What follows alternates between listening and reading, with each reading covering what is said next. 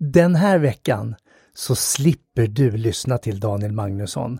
Och även jag, för med mig i studion så har Alf Kjeller, där vi kommer prata om projektledningens tre steg. Vi kommer också prata om Europride. Lyssna in på veckans avsnitt. Varmt välkommen till Sälj kommunikationspodden med supercoacherna min pappa Daniel Magnusson och hans poddkollega Mikael Kröger.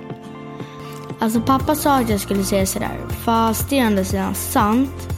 Det båda är asgrymma coacher, så vill du få resultat utöver det vanliga på ditt företag eller i ditt liv, anlita Magnusson och Kröger.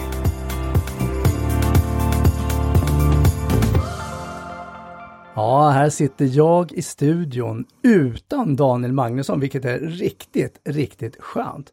Idag får han bara vara tekniker och koppla ihop. Så med mig i studion så har jag en gäst, Alf Kjeller.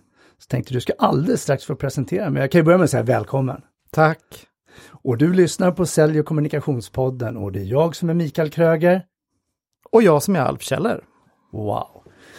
Alf, du är ju kändis, tänker jag. Nej, nu överdriver du väl ändå? Ja, det är möjligt att jag överdriver. Men jag gjorde så här, jag googlade på dig för jag tänkte, jag har faktiskt inte gjort det innan. Åh gud, hemska tanke. Ja, verkligen. Det kom upp fem eller sex sidor med dig.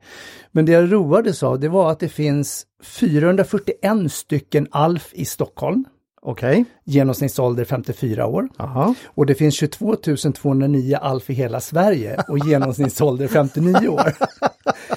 Så då är ju du ganska ung då, alltså du ligger under genomsnittsåldern. Hur känns det? Det känns helt fantastiskt för en gångs skull. det var så kul när jag skrev upp siffrorna, för du kommenterade ju siffrorna och sa att nej, så där många är det inte. Vad, vad, vad menade du då? ja, det är på fantasin tala. Uh, hjärtligt välkommen, men för de som inte vet Alf, vem är du? Ja, jag är... Ja, vad är jag för någonting? Jo, jag är projektledare. Projektledare som jobbar med antingen stora tekniska komplicerade sådana typer av projekt eller festivaler, event och rent kommunikation. Så att jag ligger precis mitt emellan projektledning och kommunikation skulle man kunna säga. Innebär det att du egentligen kan allt då? För att det blir komplext med tekniska lösningar till, som du sa, festivaler och mänskliga delar? Nej, jag tror jag, jag, jag, ja, jag kan lite av allt. Men jag är också väldigt bra på att ta saker från A till Ö. Alltså att ta det från start till mål, se vad som ska göras, ha den här helikoptersynen eller det perspektivet. Och jag har också en förmåga att kunna ta stora beslut som fattas på styrelsenivå vad blir det här i verkligheten? Sen spelar det egentligen inte så stor roll vilken verksamhet, så det är den kunskapen som är det jag använder när jag jobbar. Mm. Eh, för du var ju chef på ett stort eh, bolag tidigare. Mm. Jag vet inte om du namnger bolag, då får du göra det Ja, jag var chef på Länsförsäkringar, där jag jobbade ja. bland annat telefoni. Ja, precis. Uh, jag tänkte, men, men, såg du det som projektledning eller sadlade du om någonstans? Eller vad, vad, hur tänkte du där? Jag sista åren så hade vi så väldigt mycket som hände internt. Så att vi drev, jag drev hela avdelningen, vi var 20 anställda och så en massa konsulter. Jag drev det i projektform kan man säga. För det hände så mycket, så det var den enklaste metoden helt enkelt att, att jobba i. Mm. Och sen dess har jag jobbat i projekt. Det är ju ja, 20 år nu skulle jag säga. Jag har jobbat i projektform i princip allting. Och det är, jag tycker det är en bra form att jobba i. Jag gillar korta avslut, jag gillar när det händer saker. Det får gärna vara jättemycket att göra, det får vara oerhört intensivt. Men jag gillar också avslut. Så därför tycker jag projekt är en bra, bra metod helt enkelt att jobba i. Men jag har en fantasi över att vissa projekt blir aldrig avslutade utan de, de ligger och småpyr fast man kanske nästan låtsas att de är avslutade fast de inte är det. Ja, det är lätt att det blir så, men jag tror att det handlar om struktur. Mm. Då är strukturen fel i sådana fall. Mm.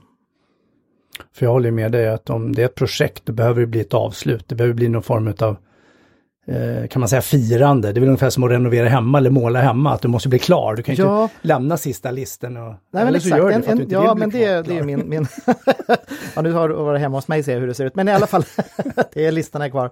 Men det är lite det här bock i kanten som jag tycker är skönt. Mm. Och det är inget fel i att, att saker och ting tar väldigt lång tid, eller att det är så, men för mig är ett projekt ett, en start, ett genomförande och ett avslut. Så kan man starta ett nytt projekt igen med samma faser, men för mig är det faserna viktiga. Mm. Men om vi tar det, start, genomförande, avslut, så mm. tittar vi de tre delarna, för det är ju för dig, om jag förstår saken rätt, liksom det är projektet och projektledningen. Eh, så tänker jag också att vi ska tala om ett väldigt stort projekt som du var med förra året. Mm. Eh, som heter Europride. Mm, det stämmer. Så, och, och, det är väl samma fas. Men om, om, du förklarar det här med, med starten, och hur tar du dig an när du ska dra igång ett projekt då? När jag drar igång ett projekt då är det ju väldigt mycket att förstå vad, vad vill uppdragsgivaren? Vad är liksom outputen? Vad är målet med projektet? Vad är syftet? Varför gör man det här och vad vill man liksom ha för resultat? Så det är väldigt mycket att träffa folk och prata. Vad är det man vill? Eh, vad är det man vill ha ut av det? När är man överens om att man är framme? Och sen är det ju att bygga då, hur skulle resan kunna se ut? Att ta fram styrdokument om det behövs. Vad har man för förutsättningar? Vad finns det för pengar? Vad finns det för medarbetare? Och sen så, så blir ju det en uppstartsfas när man liksom strukturerar upp det här. Man hittar alla härliga människor som man ska jobba med, alla fasta deadlines som måste levereras, om det är mål, milstolpar eller vad man nu kallar det för, delmål eller någonting sånt. Och när allt det här struktureras, det är lite av ett detektivarbete skulle jag säga det är inte alltid det saker och ting är kristallklart, utan man kan vara beroende av leveranser in och ut i ett projekt. Så jag skulle kalla det detektivarbete skulle jag säga. Jag tycker det är ett av de roliga momenten faktiskt. Och då lägger du mycket tid på det då? Ja, tyvärr är det ju så att ofta så blir det väldigt Oftast när man startar så, så, brukar man lägga mindre tid på det. Det blir också väldigt snabbt inpå, man inser inte att den här fasen är viktig, men det man gör i ett uppstart, det sparar man in tre gånger om sen när man väl börjar genomförandet. Sen finns det också ett um, man kan ju vara i uppstartet och vara i då genomförandet. För mig är ju uppstart före ett projekt, före projektgruppen drar igång, före styrgrupperna drar igång. Sen blir det ju någon form av genomförande. Mm. Så först de tydliga ramarna så, så gott det går att få de ramarna då? Ja men lite så, för har man ramarna så är det också lättare att kommunicera internt. Det här är vad vi ska leverera.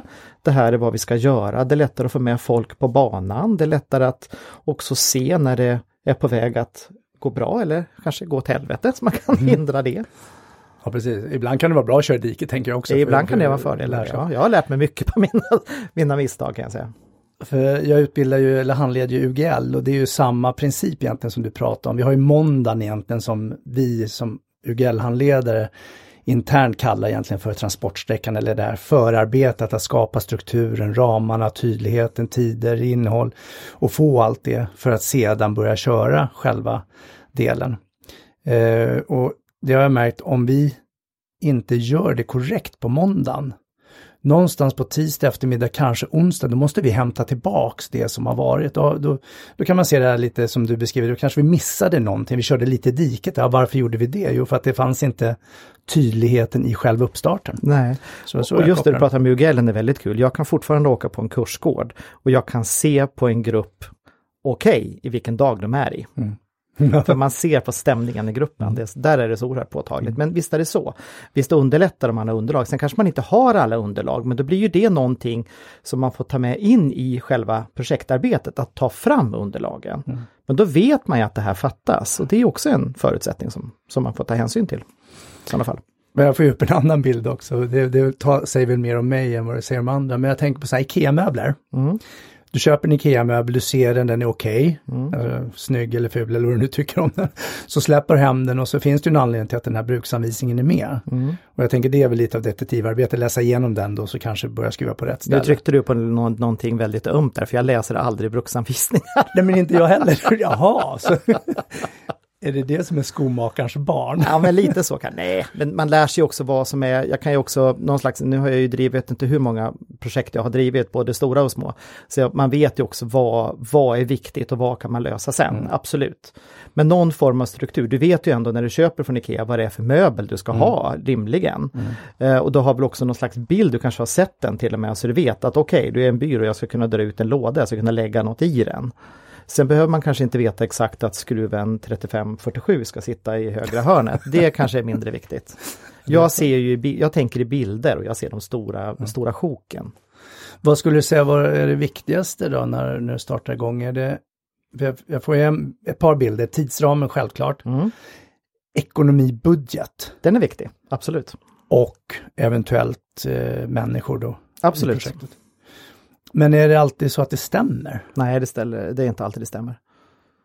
Så jag upplever att en del företag vill ju ha någonting Och till slut så har de kommit fram till att vi ska göra det här och vi lägger kronor X på det. Men kronor X är oftast mindre än vad det borde vara. Kan vara så. Ja. Ibland kan det vara för mycket också. Oh. Vad händer när det är för mycket?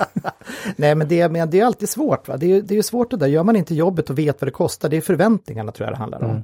Man förväntar sig jättemycket men man vet kanske inte vad det kostar eller man förväntar sig jättemycket och man vet inte resan dit. Eh, för tid, kan ju, tid är också pengar. Mm.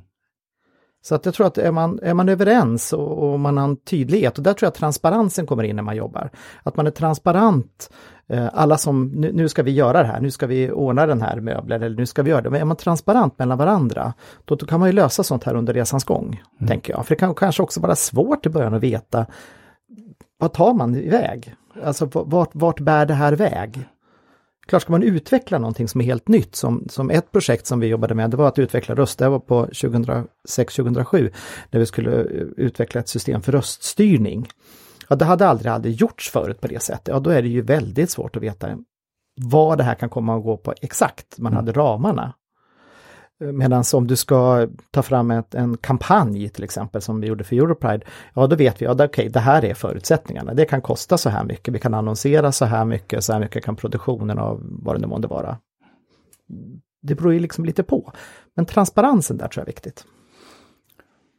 Någonstans börjar ju ditt intresse för det här med, med projekt och projektledning och trockla ihop eller föddes du som liten och bara kände yes, jag ska driva projekt? jag tror att det är en metod som jag funkar i, helt enkelt. Ja. Jag tror jag känner mig nöjdare att jobba så, jag mår bättre som människa när jag gör det. Jag blir gladare, jag blir inte så vrång och vresig och irriterad och trött, utan jag blir glad, jag blir pigg och jag blir liksom så nu, har, nu har vi jobbat tillsammans ja. ett, ett, antal projekt med Stockholm Pride ja, 2008 och ett antal år framåt. Ja, jo, eh, så det var kul att se att du inte då blir trött och vresig. Detsamma. Ta på krafterna. Ja, jo, det gör det faktiskt. Det är ju så, de projekten är lite speciella också. För att man ska vara medveten om när man jobbar med det här, för det första är det volontärverksamhet. Ja, ingen är, har betalt. In, in, ingen har betalt. Sen är det det att det är på kvällstid. Och jag tänkte på det när jag var festivalchef 2012. Eh, då, då var det ju ett jätte, då var det, vi var ju underläge. Eh, medierna skrev skit om oss, det var svarta rubriker om att Pride skulle gå i konkurs. Eh, ingen ville ta i oss med tång. Vi hade möten i projektledningen då efter arbetet i en lokal utan fönster och utan syre och utan mat varannan vecka. Efter den resan så blir man antingen väldigt mycket ovänner eller väldigt, väldigt goda vänner. För man ser faktiskt varandra, man ser varandras värsta sidor egentligen. När förutsättningarna är som sämst, alltså när de fysiska förutsättningarna och de mentala förutsättningarna är som sämst. Så att jag tror de man har jobbat ihop med i sådana projekt, då blir man väldigt nära. Mm. Mm. Ja, det är väl som du säger, eller så ogillar man varandra. Eller så ogillar man varandra eh, på något sätt. Men jag tror ofta så blir man väldigt, väldigt nära, för man lär känna varandra mm på ett väldigt bra sätt, på ett ja, annorlunda sätt. Men man hinner också nöta av hörnen på något vis. Skulle du säga att det är stor skillnad då att driva projekt så som volontärt kopplat då, till exempel till Stockholm Pride där ingen har betalt utan alla är på frivillig basis kontra om du gör det för ett företag där, där alla är avlönade och betalda? Jag tror inte att det är det det handlar om. Jag tror att det handlar om det är stor skillnad att driva ett projekt där det är värderingsstyrt än ett projekt som inte är värderingsstyrt. Mm. För det handlar inte om pengarna, det handlar om att man tror på det man gör. Och det handlar om att man, man kanske man vill det här. Och att det är väldigt kopplat kring ens... Ja, det är ett annat sätt att jobba på. Jag tror att det är snarare det än betalt. Sen spelar det ingen roll om du får betalt eller inte betalt, det är ganska underordnat i det hela. Jag har jobbat med Eh, som Europride så var ju en, en, del av dem jag arbetade med, det var ju Europride var ju i Stockholm och Göteborg och i Göteborg var det ju anställd personal. Mm. Men de var också värderingsstyrda, de hade en vilja, de ville något, de ville förändra världen, de ville jobba med mänskliga rättigheter, de ville jobba med hbtq-rättigheter. De brann för allas lika värde. Och då är det annorlunda att jobba när man brinner för någonting. Där tror jag skillnaden är. Men jag tänker också att du skulle ju kunna brinna för någonting otroligt mycket, ursäkta, så som volontärt men du kanske inte får chansen att göra det ute i näringslivet då, om nu vänder på det. Och, mm. och då kan du låsa dig vid din egen fråga för att du driver den så hårt och, och till slut så blir det ett maktspel internt och ja, sparkar ju ogärna volontära människor om man nu får uttrycka det på det sättet mm. eftersom all, ja, armar och ben och kraft och energi behövs ju. Så jag tänker det kan ju finnas ett spel där också. Det kan finnas spel överallt. Mm. Så är det ju. Mm. Jag var ju parkchef då 2010 och det var ju efter... Jo tack, du var min chef. ja, och det var ju efter första katastrofen när det skulle gå konkurs efter Ja. 2009 där, så det var väl en liknande scenario. Ja, jag lämnade över med vinst 2008 då. Nu var det ju parken, eh, Pride är mer en, en, en Pride Park, Ja. då jobbade ju bara med Pride Park. Det var ju mycket annat, det är ju Pride House och det är parader och det är kommunikation och marknadsavdelningar och allt sånt där. Så det är en stor organisation, men vi jobbade ju med parken då. Mm, vad härligt, men då tar vi, då har vi detektivarbetet då. Då har vi liksom satt det och så har vi kopplat ihop det här nu till någon form av verklighet. Genomförande, vad tycker du är viktigt i genomförande av ett projekt? Humor. Humor? Humor och att man ska ha roligt. Jag tror också på snabba resultat. Jag tror för att man ska hålla energin uppe så hellre detaljerad projektaktivitetsplan så man bockar av saker så man känner att åh, nu är vi på väg, nu har vi gjort grejer, nu händer det saker, för då tror jag man får energi. Så att jag tycker i genomförandet då är det väldigt mycket humor och glädje och arbetsglädje och, och köra på liksom. Sen kan det vara tufft också, absolut, men, men eh, det tror jag. Det, Men jag tänker aktivitetsplanen då, du, i jag jobbar med aktivitets, jag jobbar med ganska basic. Aktivitetsplaner, lister, ordning och reda eh, och den typen av, för att kunna komma framåt helt enkelt. Så kan man alltid ändra på saker och ting, absolut, men det är mycket bättre om man vet var man är på väg. Blir de inte långa listorna? Ja, det kan bli Så- ganska långa. Sätter upp på väggen 1200 punkter, det kan ju Ja. kännas lite så här, "Ugh, Jag hade, hur ska vi stort, klara av jag hade det? ett stort, ett stort av de här större, större industriföretagen i Sverige och så skulle vi byta eh, telefonisystem då på, i deras alla fabriker i Sverige som var på fem sex orter. Och där var det detaljer. Men där var det ju så att det är dyrt att stänga ett järnverk så att där måste allting funka eh, prickfritt och telefonin måste funka och funkar inte det måste man stänga verksamheten för man har egen brandkår och sådana här saker som använder telefonin. Och då var det jättelister. Men det var också väldigt skönt på ett möte att kunna pricka av 30 punkter, för man kände sig, fan vad vi har jobbat den här veckan. Vad, när du säger hu- humor och, och skratt, vad, vad, är det roliga timmen eller vad, vad tänker du för någonting då? Jag tror man ska ha det ganska... Om man trivs och har kul så är det lättare att jobba helt enkelt. Det är ju som den här podden. Om du, om du skulle vara jätteallvarlig här så tror jag du skulle ha betydligt färre lyssnare. Jag försöker ha en allvarlig syn här nu. Ja, jag jo, sitter- jag sitter här i studion, sitter och tittar på den där siffran 441, men du vill inte... Ja men man kan, ju, man kan ju välja, man kan ju välja att ha roligt åt saker och ting eller man kan välja att ha jävligt tråkigt. Alltså det är ju lite så man väljer. Jag tycker det är kul och roligare. Jag vill ha energi, jag vill ju gå därifrån. Även om jag har gjort jättemycket så blir det ju lättare att ta sig igenom ett projekt med energi och glädje att eh, surt och bittert. Vad tycker du om, eh, om man säger under genomförandedelen då, det här med, med att eventuellt fira eller ska man säga, berömma eller lite som, man kan ju ta säljare som säljer, åh vi nådde mål, vi fick åka en Finlandsbåt eller vi fick gå ut och dricka sju bärs. Vad, vad tänker du i ett projekt om det? Det är samma sak tycker jag. Jag tycker man ska fira, stötta varandra. Sen finns det ju, alltså alla är vi olika.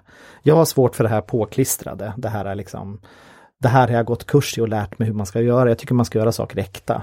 Eh, Och det ska jag när det funkar. Men absolut klart man ska fira. Det är mycket roligare att fira än att inte fira. Ja, exakt, så vad är då motsatsen till att inte fira eller ge beröm? Nej men jag tror att det är, jag tror man glömmer bort de delarna.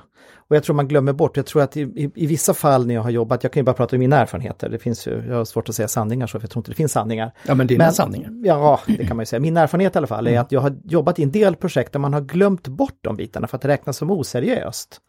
Men jag tycker alltid man kan köpa en godispåse eller göra någonting, det här lilla, det behöver inte vara jättestort, det behöver inte vara en dyr middag. Det kan vara en kul grej. Eh, Så i olika faser använd det. Jag har gjort alla möjliga konstiga tricks. Vi hade någon sak vi gjorde som var jättejobbig. Då hade vi en liten begravning i projektet där vi begravde den här aktiviteten för att vi hade slitit så hårt med den. Så sa vi några väl ord, om den och så sa vi nu skiter vi i det här och så rullar vi vidare i livet liksom. Okej. Och så var det borta. Nej, men så här. Man kan göra på olika sätt. Men jag tycker humor är viktigt. Eh, tänk på så här ordspråk som jag hört, kill your darlings. Mm, den är intressant. Ja, vad, vad tänker du då när jag säger så, kill your darlings? Och nu, nu tänkte jag inte på din partner eller sådär, att- jag tänkte mer så här, kill your darlings, eller sitta fast med darlingarna liksom. Det är svårt, alltså det är jättesvårt att kill your darlings men det kan också vara en befriande sak. Eh, Att, att, att stänger man en dörr så, så kan det också öppnas andra dörrar. Och ibland ser man inte de dörrarna. Jag har, kill, jag har killat några darlings, höll jag på att säga. Liksom, gjort lite så den här hösten faktiskt. Och det är väl lite osäkert just nu och så vad jag ska göra och hitta på och så, men det kommer ju öppnas andra dörrar och jag har ju sett att andra dörrar har öppnats. Så det kan vara en bra grej också att göra det. Kill your darlings, de kan Mm. dyka upp igen.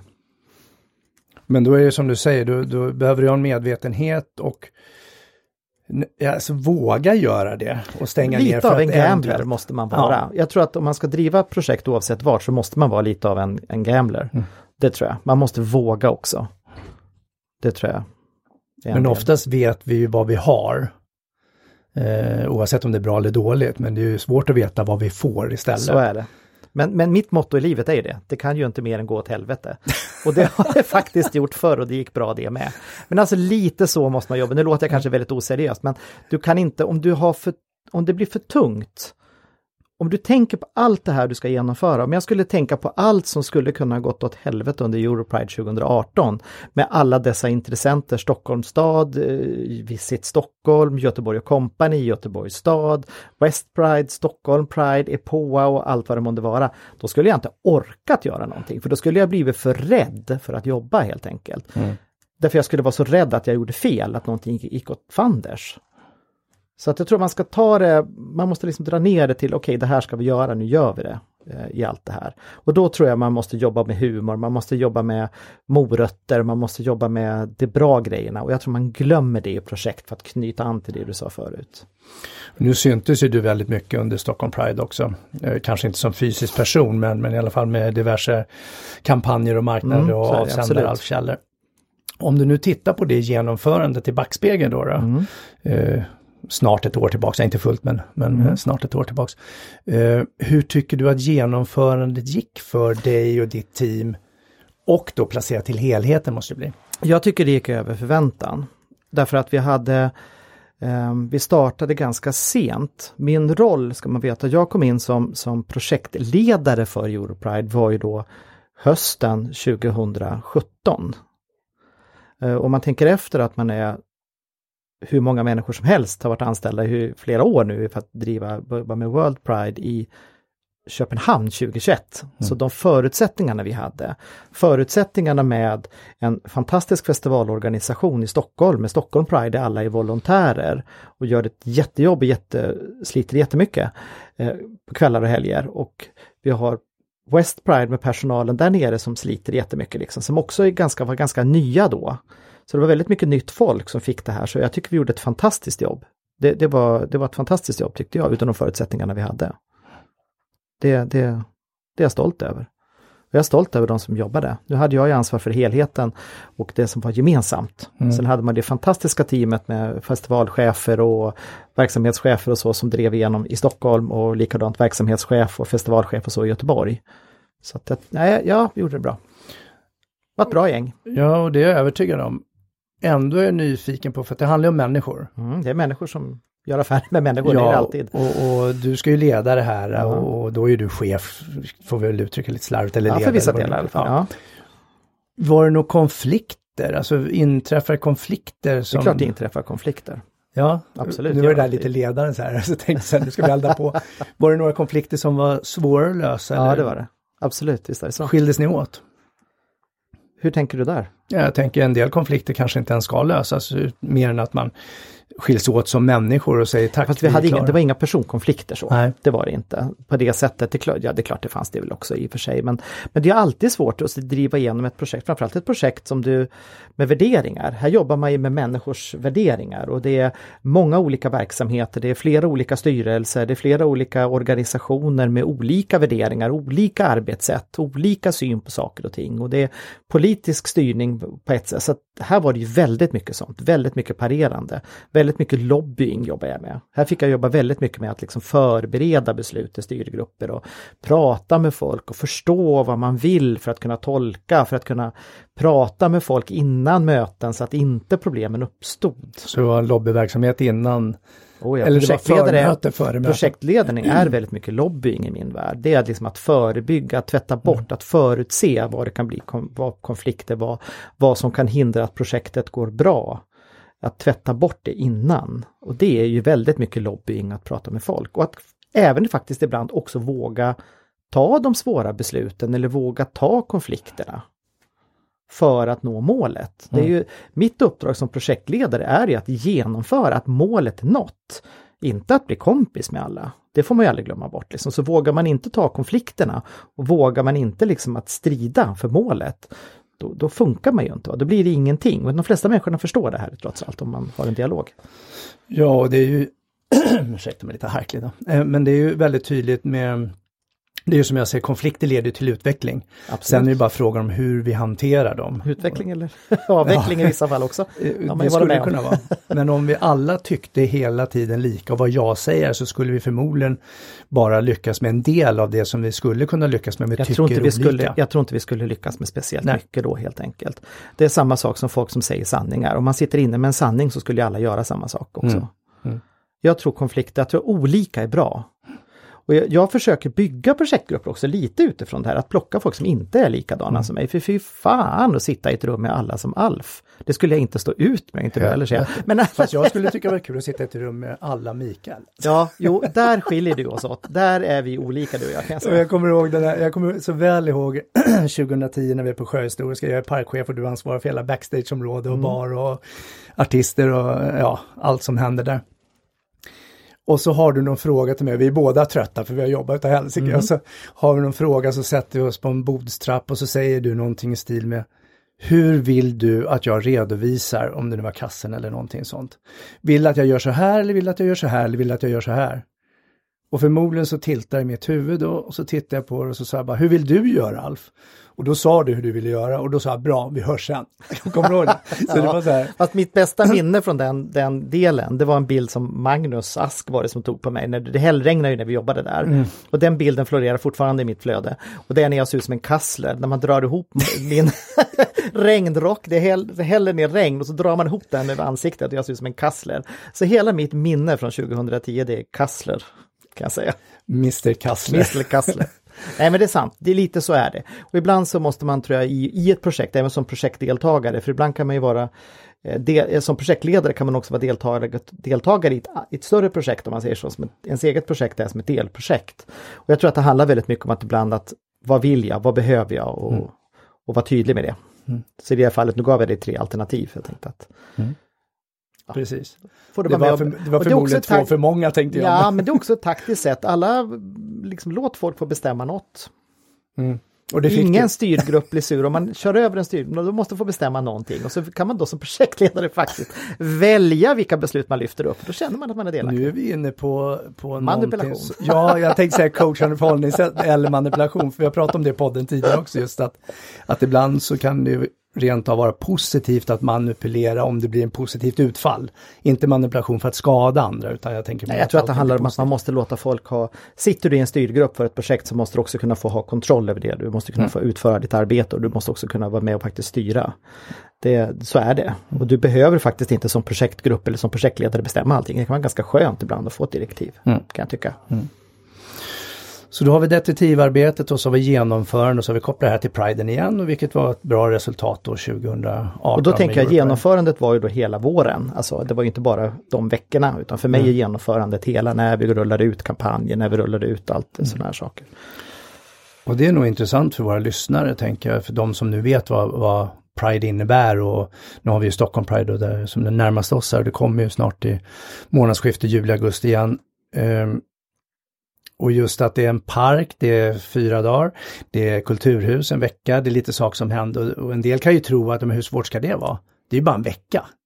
Men det är ju som du säger, projektet Ja, börjar om ju tar, långt, långt tar, innan. Om du tar. Europride till exempel, nu är jag inte aktiv i Stockholm Pride längre på det sättet, men om du tar Europride till exempel, vi var ju på turné. Vi var ju runt i Europa och marknadsförde Stockholm, Göteborg och Europride 2018.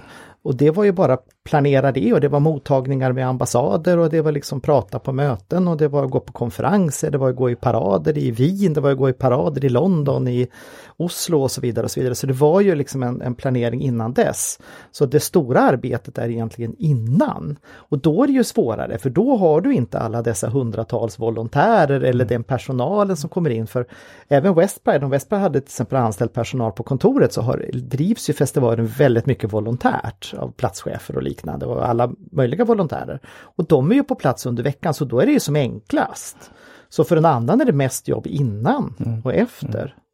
Det är då man sitter själv och Och vi ska jävlas. ju passa på eh, och också ge en eloge till de som är volontärer, de som jobbar ja, under verkligen. hela åren volontärt och även de som kommer in och jobbar några dagar under själva Ja.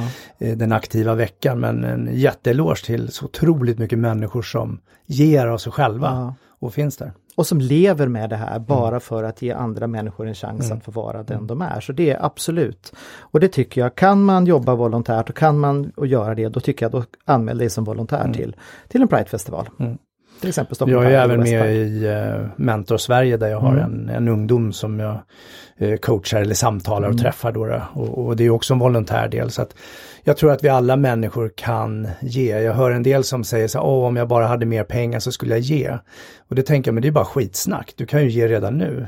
Oavsett om det ger en krona eller hundra kronor eller om det ger tid eller uppmärksamhet. Alltså det finns ju så mycket att göra så det behöver ju inte handla om några stora saker. Jag tror vi alla måste göra det. Jag tror att, och det var ju lite därför också som att jag kom in och började jobba med Stockholm Pride var ju också det att det här var det jag kunde göra då. Det var enkelt för mig att hoppa in och göra de här grejerna. Jag använde min profession som jag har i att leda och satte det, om, omsatte det och det kan, alla kan bidra med någonting, definitivt. Nu är det så spännande för vi är mitt i ett projekt där jag spelar in och så får jag upp en skärmsläckare så jag bara antar att det fortsätter i bakgrunden där. Jag har, min tekniker är på rast under genomförandet. Jag bodde i Dublin i ett år. Och det stora nöjet man hade där, det var att skicka runt en bild på en svensk bankomat där det stod den här Windows-grejen. Windows har slutat funka. Som fanns då på den tiden, de här gamla Windows, typ bland de första versionerna. Liksom. Så att det vet precis hur det känns. Ja, bra, jag har inget lösenord. Men då har vi genomförande och sen så nämnde du då liksom projektets slut. Vad kallar du den för? Avslutsfasen skulle jag Avslutsfas. säga. Och den glömmer man väldigt mycket tycker jag. Mm. Den prioriterar man bort, alla är trött och slut, det här är över. Men jag tycker den är viktig. Både att samla ihop erfarenheter, positiva erfarenheter, vad man har lärt sig av det här. Men jag tror också att det är viktigt att knyta ihop säcken. Här har man möjligheten att låta projektdeltagarna klappa varandra om ryggen. Fan vilket bra jobb vi gjorde! Härligt det var att jobba med dig! Gud vad bra vi gjorde! Och så kan man prata om saker och ting som man inte hunnit prata om annars. Och jag tycker de, alla de här utvärderingarna, jag har varit på så många utvärderingar som, som jag tycker det ska vara positivt. Man ska prata om det som har gått bra. Jag kan tycka att många fall när man drivit ett projekt så pratar om det som har gått dåligt. Man vill liksom sätta dit varandra, du gjorde inte det här, det här ska göras. Men man glömmer faktiskt att i de flesta projekt så är, jag skulle säga 95% av allting som har gjorts har varit helt fantastiskt. Men man fokuserar på de här 5 procenten som har varit dåligt.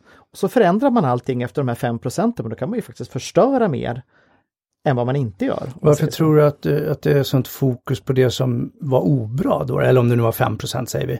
Varför tror du att det blir fokus på dem? Jag tror inte man tänker på det som faktiskt har varit bra. Det, jag, jag tror att det är lite grann som en själv också. Jag har ju väldigt lätt att kritisera mig själv. Jag faller väldigt ofta ner i det här, och gud vad dålig jag är, och, och vad jag lät och hur kunde jag göra det här och varför sa jag ditten och varför sa jag datten? Varför, varför tänker jag inte annorlunda? Jag tror att det är en mental grej som vi har ofta.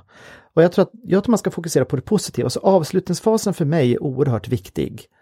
Den, det är där man liksom får energi och här tycker jag man ska liksom ge projektdeltagarna, ge alla inblandade en, en rejäl skjuts. Fan vad bra gjort, för då blir man ju också mycket mer positivt inställd till nästa projekt man ska vara med i eller kanske nästa festival eller nästa inkoppling eller installation eller vad det nu månde vara. Mm. Så för mig är den viktig och då är det träffas, prata ut, tala ut med varandra, skratta, kanske kolla på bilder eller någonting sånt, men även samla in fakta. Vad gick bra? Vad gick mindre bra? Vad kan man tänka på efteråt? Jag kommer ihåg före du blev parkchef, eh, mellan 2005 och 2008 när jag hade parken, de sista åren där, då satt jag med Janne då som var, park, eh, som var ansvarig för allt det här praktiska i parken, logistiken och bygg och riv och allting. Vi satt i Tanto, för det var i Tantolunden. Den sista sopbilen kom och då gjorde vi, vad är det vi måste beställa nästa år? Och det var ju betydligt lättare med allt färskt i minnet. Okej, vi behöver ha 82 bajamajor, vi tar fem bygg, eller 14 byggbodar, vi tar så mycket staket och vi gör det här. Och då använde vi liksom det här till att prata ut, vad funkar bra, vad funkar inte bra? Men vi gjorde det ur ett positivt perspektiv. Och det måste ju vara det mest optimala sättet egentligen och precis som du säger när det ändå är färskt i minnet. Ja, och sen glömmer, för annars dokumentera. glömmer man ju. Man får ju inte glömma det att alla som har varit med i ett sånt här, framförallt kanske ett volontärt projekt också, de kan ju använda det här när de söker ett jobb. Det är ju en Mm. erfarenhet. Och man kanske har jobbat med någonting i ett projekt som man kanske inte gör i sin linjeverksamhet eller i sin vardag. Och genom att dokumentera och göra det här så blir det också som en, folk kan använda det här för, för att söka jobb helt enkelt, eller någonting annat. Så att jag tycker det är jätteviktigt. Samtidigt tänker jag att en del kan ju vara väldigt trötta också efter projekt. Om vi nu tar ett intensivt projekt som Stockholm Pride som Absolut. är intensivt just under de här aktuella veckan då, och, och just eh, tröttheten och, och kanske på något sätt vill lämna också. Liksom, Men jag tror man måste ha någon form av avslut. Ja. Därför, ja, min erfarenhet är att annars så far du iväg och sen så när du har sovit ut, det har gått två veckor och då blir den här, åh vad hände? Mm. Oj, jag har missat det här eller oj, varför hör jag inte av någon? För då blir det ju en sorgprocess när det här är avslutat och genom att man har liksom kram, kramat om varandra avslutat det här och dokumenterat vad man faktiskt har gjort, då har man någonting man, positivt man kan se tillbaka på också på ett annat sätt. Mm. Annars är det rätt att de här stora projekten imploderar på något sätt efteråt organisationen och så vet man inte, var det bra eller inte bra, vad, vad, vad hände här då? Mm, så tänkte jag på det du sa där om det nu är 5 till exempel då som inte är bra då så är det många som fokuserar på det. Eh, Och just det här att när det är bra så hör vi ingenting. Nej. Men Utan det- att det är bara, då är det lika med nollläge, alltså det är okej, nu, är det, nu, nu hör vi ingenting, nu är det bra. Men så fort någonting är dåligt då hör vi så mycket av det och det är därför de här 5 procenten blir så, de blir ju större än de andra 95 egentligen. Ja, men sen vet man ju inte. Det kan ju faktiskt vara så, ja, det gick åt helvete. Men det kanske, vi, det kanske skulle ha gått, om vi säger att en skala från 1 till 10. Så den här händelsen som var gick, eh, gick dåligt, eh, en tvåa på skalan 1 till 10. Men om vi inte vi hade lagt ner världens jobb så hade det gått ännu mer åt helvete. Ja. Så att, och man vet inte, det är väldigt lätt efteråt att kritisera varför gjorde vi så här? Mm. Ja men i den situationen vi var då så kunde vi inte göra på ett annat sätt. Nej, och det är viktigt det du säger för då, det är ju det vi ska bedöma. Det var bra för när vi var i den här situationen då tog vi de här besluten och då blev det så här, blev utfallet. Ja, exakt så. Ska vi göra det bättre nästa gång kanske vi kan göra så eller ska vi göra Men då likadant? måste man backa tillbaka till och säga hur gör vi den situationen när vi kommer dit nästa gång? Det är det utvärderingen ska vara till Mm. för. Inte, nej det kanske var dumt att göra så här. Men om vi inte vet varför vi fattade det beslutet så kan vi ju inte heller påverka det. Mm. Och det är ju inte heller vi kan bygga bort den delen i projektet sen. Då, det är alltså detektivarbete, det är genomförande och det är avslutande Mm. delen. Och, och när jag hör dig prata så tänker jag, fuskas det någonstans så ruckar ju det hela processen. Ja. Och så det, behöver ju bli ordentligt. och det brukar fuskas fram i början och i slutet. Ja. För i början vet vi inte och i slutet kanske vi är trötta under, under genomförandet. Nej, och då hamnar de svåra frågorna i projektet istället för att de tas innan. Mm. Då hamnar eh, diskussioner om varumärke eller färger eller mm, kanske en kampanj eller värderingar eller genomförande eller kostnad i ett projekt när du inte har tid. För det handlar ju också om att om du fördelar de här, lägger de här grejerna rätt, framförallt i början, så får du ju mindre arbete i projektet och kan fokusera på saker som faktiskt skiter sig. Och det försöker jag göra. Styr upp det du kan styra upp.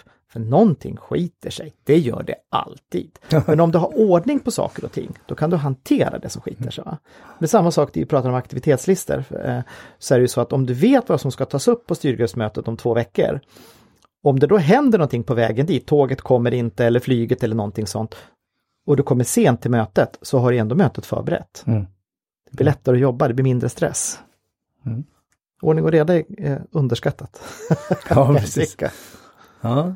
Så och om vi nu kopplar det här till Pride, då, hur gjorde ni ert avslut? Hur har ni firat eller plockat ihop alla delarna nu efter 2018 och Europride som var stort och eh, gigantisk organisation. Ja, vi kanske skulle ha lagt lite mer fokus på avslutet kan jag säga än vad vi faktiskt gjorde. Det, blev, det här vart ju lite annat komplicerat också eftersom det är olika organisationer Mm. och så. Men i styrgruppen där träffades vi, vi hade ett möte och vi var ute och käkade faktiskt och gjorde ett, ett form av avslut där. Okej, gjorde så du och ditt team har liksom min styrgrupp gjorde det. Ja, det gjorde, jag Mm. gjorde det med mitt team. Liksom. Sen var det ju annorlunda eftersom det var en festivalorganisation i Göteborg, på sitt sätt en festivalorganisation i Stockholm som jobbade på olika sätt. Då. Mm, det var det jag tänkte och så Ja. blandar vi in politiken och så andra organisationer. Så det, det Så är ju är det. komplext. Det att är komplext. Nu ska vi tacka hela projektet, ja vilka ska vara med då? Ja, lite så. Man får ju hantera det. Mm. Men det hade vi ju faktiskt sagt i början vad som är liksom Så det var uppstrukturerat på det sättet. Du sa att du inte längre är med i, i eh, Stockholm Pride då, eller ja, Europride Stockholm Pride. Inte festivalen i år. Nej. nej, inte i år. Jag jobbar med, jag jobbar med internationella frågor på Stockholm Pride, så jag kommer att vara på en del konferenser och så i och med att jag har ett ganska brett kontaktnät. Så okay. jag är fortfarande knuten till organisationen, men jag jobbar inte med årets festival på det nej. sättet. Varför inte? Du brinner ju för det här Alf. Du har ju brunnit för det här. När jag träffade dig bland de första gångerna och så träffade jag en annan gammal räv som har varit med också som heter Gunnar Nilén. Säkerhetschef känner du till, ja, ja. Bor, bor numera i Spanien, driver hotell. Det var väl de första gångerna jag träffade Nej, nu är det sista gången jag kör det här. Men så har det gått en 10, 12, 15 år till. Vad, vad, vad är det som Jag brukar ofta komma in när det skiter sig lite. Okej, okay, så du väntar på att det ska skitas i år så att nej, 2020 nej, nej. nej men ibland är det dags att göra något annat också. Ja. Alltså att Europride 2018, jag kom in då, de frågade vill jag göra någonting, okej okay, jag vill göra någonting jag inte gjort förut, så jag jobbade som kommunikationschef för Stockholm Pride, det var ju mycket det. Och sen så, och projektledare för Europride. Och Europride var ju väldigt mycket kommunikation, det var ju det det var, och media drev och gud vet allt vad det var för någonting. Så jag kände att det kan vara dags att göra någonting annat faktiskt. Mm. Det är dags för mig att gå vidare. Och då tänker jag med allt som du har sysslat med, med både ditt företag som du har drivit och, och med Europride och Pride och allt du har hållit på med. Så blir det nästan, alltså du har lagt ner förmodligen hundratals om inte tusentals timmar. 2511 timmar har jag lagt ner på Europride på ett år. Ja. ja. vad ska du göra de 2511 timmarna? Vad gör du från nu och sommaren och hösten och framåt? Jag vet faktiskt inte riktigt vad jag ska göra. Så jag är ute och söker uppdrag och vet inte riktigt. Jag har haft också, tiden har varit att det har varit en del privata grejer som har hänt. Och jag har också använt tiden till att liksom rensa ut saker och ting och utbilda mig och gå lite kurser och liksom sådana här saker. Att, att se vad jag ska göra. Så att jag vet faktiskt inte riktigt. Det är spännande.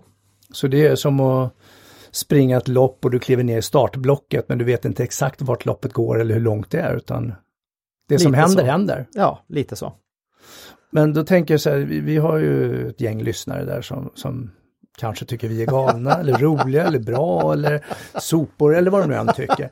Men om de nu skulle vilja ta på dig då och höra mer om liksom, men hur driver du projekt, hur får du dem att funka? Eller de kanske har något projekt de behöver hjälp med. Jag fanns ju på fem sidor på Google eller vad sa du? Ja jag vet men jag visste inte vilka jag skulle slå på. Google, ja det var, ja, det var nog sex sidorna. Så hur får man tag på dig? Så stora sidor finns inte. Ja. Hur får man tag på dig? Man får tag på mig, man kan googla på mig, alfkäller.se. Ja, det är det enklaste. Det kommer faktiskt högst upp då, ditt företag. Det är ett klatschigt företagsnamn. Mm. Hörru, du, vad, vad, vad, vad har varit det bästa för dig att vara med i den här podden just nu, här idag? Energi tror jag. Jag tror jag fick lite energi. Och sen han också... tror att han fick lite energi, ni hör ju vilken dåligt sammansatt svenska. Nej, men man börjar tänka till, liksom, man fick tänka till lite. Jag kan mm. tycka det var lite intressant. Vad är det som driver mig egentligen? Och vad är det som driver mig som projektledare? Det får man ju tänka till nu när du mm. ställer de här frågorna. Så är det ju. Vad är det som är bäst med de olika faserna? Och nu börjar man få energin tillbaka till ett ja. nytt projekt. Jag har ju alltid sett dig som ett eh, energiknippe. Eh, oftast glad och positiv. Ibland har du varit lite rivjärn och, och skällt lite och sådär. Men oftast har dig. du... ja, precis. Det är det som kallas eh, eh, kärleksfull tydlighet. Nej, men du, du har alltid haft så mycket energi. Jag blir så fascinerad. Hur fan orkar du allting? Var hämtar du energin ifrån? Jag vet inte, men jag har en ganska bra inbordes energi. Jag försöker se. Jag brukar tänka så här, man ska aldrig oroa sig för samma sak två gånger. Jag försöker att, att, att se positivt, alltså medvetet uh, göra det och nu gör jag det automatiskt. Mm. Det är mm. klart att jag sjunker ner i några djupa dvaler och det. Och sen tycker jag det är fantastiskt med trädgård, för jag håller på med min trädgård på landet. Mm. Och det tycker jag är så befriande. Man gräver en grop, man stoppar ner en buske och sen är det klart. Nej men alltså då finns det en buske ja. där, menar mejlen för 17, herregud, jag städade bort 30 mejl morse, det är väl lika mycket nu igen. Mm. Men de har ju förmåga att studsa tillbaka. Ja, jag vet, tyvärr. Men busken behöver ju också lite kärlek och någon form av vatten och så. Ja, men dörren kan man såga ner och sätta lite ny. ja, det är underbart. Så vill du veta mer om projektledning, Pride eller vad du än vill veta, det som Alf kan, så kan han väldigt mycket, så det är bara att hojta till. Eller så hör du av dig till oss på eh, magnussonkroger.se så ska vi ledsaga dig vidare. Har du några frågor så är du välkommen att skicka in. Och eh, Alf, ett stort tack för att du har varit med idag. Tack själv, det var jättekul att vara med. Vi kör en high five på den. Ja, det gör vi. Tjoho!